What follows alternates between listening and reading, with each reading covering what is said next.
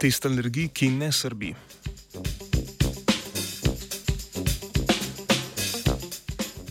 V času, ko tretjina populacije severne hemisfere smrka, kašlja in toči solze vsakič, ko stopi na prosto, nas je razveselila novica o novem načinu diagnosticiranja alergij.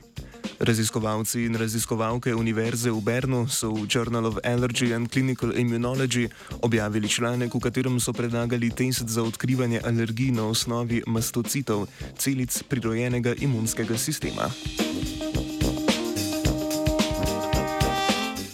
Diagnostika alergije je kompleksen in zahteven postopek, sestavljen iz več korakov, kot so pregled zdravstvene preteklosti pacijenta oziroma pacijentke, preverjanje prisotnosti proti telesu krvi, kožni testi in drugi alergijski testi.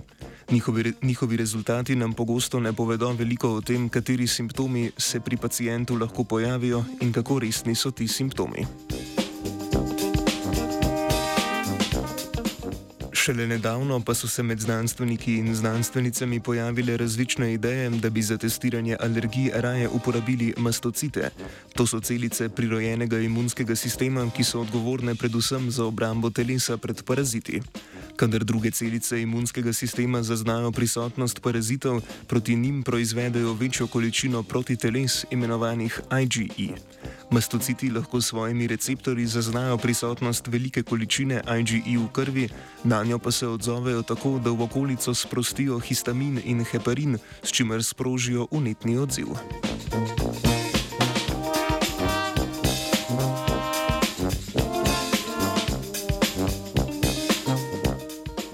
Pogosto pa se zgodi, da telo kot nevaren tujek napačno prepozna nenevarne snovi, kot so cvetni prah, rašidi ali določeni proteini v koži živali. Takrat v telesu nastane veliko protiteles IgE, ki prepoznajo te molekule in se lahko močno in dolgotrajno vežejo na mastocite. V takšnem primeru bo mastocit sprožil unetni odziv zmeraj, ko bo v telesu prisotna molekula, ki jo prepozna IgE na njegovi površini. Ta pojav imenujemo alergija.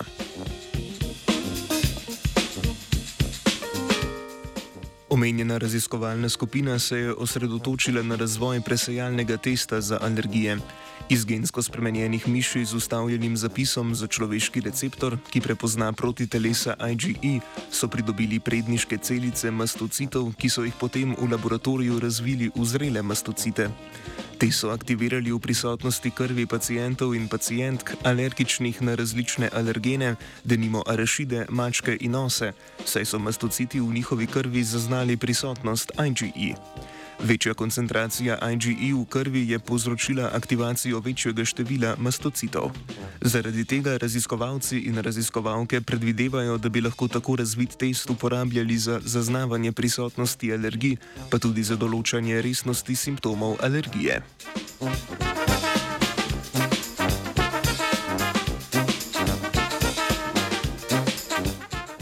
Zaznavanje alergij na tak način bi bilo za pacijenta ali pacijentko veliko bolj prijetno kot s trenutnimi alergijskimi testi.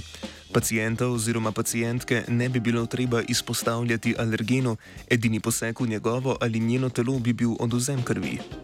Izpopolnjena oblika testa bi nam lahko dala tudi druge pomembne podatke o alergiji, denimo o resnosti simptomov alergije in morda tudi napovedala možnosti za uspeh določene terapije.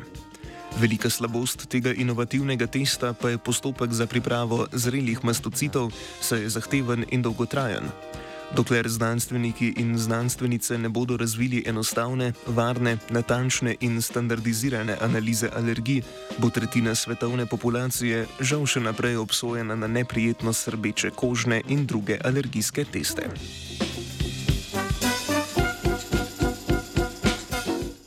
Današnji zbritov je smrkajoč pripravila vajenka Nika.